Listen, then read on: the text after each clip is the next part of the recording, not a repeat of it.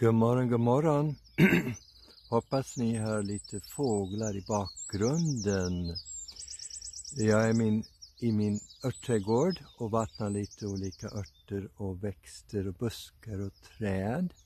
Vi har fått så lite vatten under april eh, så det vart jättekonstigt väder och det blir mer och mer. Under de här sista åren så har det blivit lite gröna vintrar och konstigt väder. Och då åt jag nyss lite rosenrot. Jag lämnar eh, bild på rosenrot och på kvanne eh, då eh, som ni kommer att se.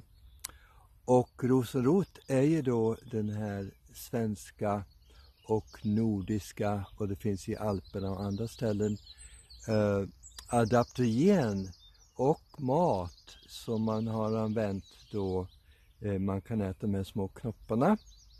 Och sen själva eh, roten är ju fantastiskt adaptogen och det betyder att det hjälper att reglera och anpassa eh, då för olika funktioner i kroppen. Så det är en fantastisk örtrosenrot och sen har vi fjällkvanne eller kvanne då, som är en arkängel heter det för att under medeltiden så var det en fantastisk hjälp för olika matsmältningsbesvär och immunförsvarsbesvär och, och infektioner och sådär.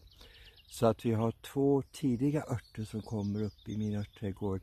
Fjällkvanne och rosenrot, älskar dem och använder dem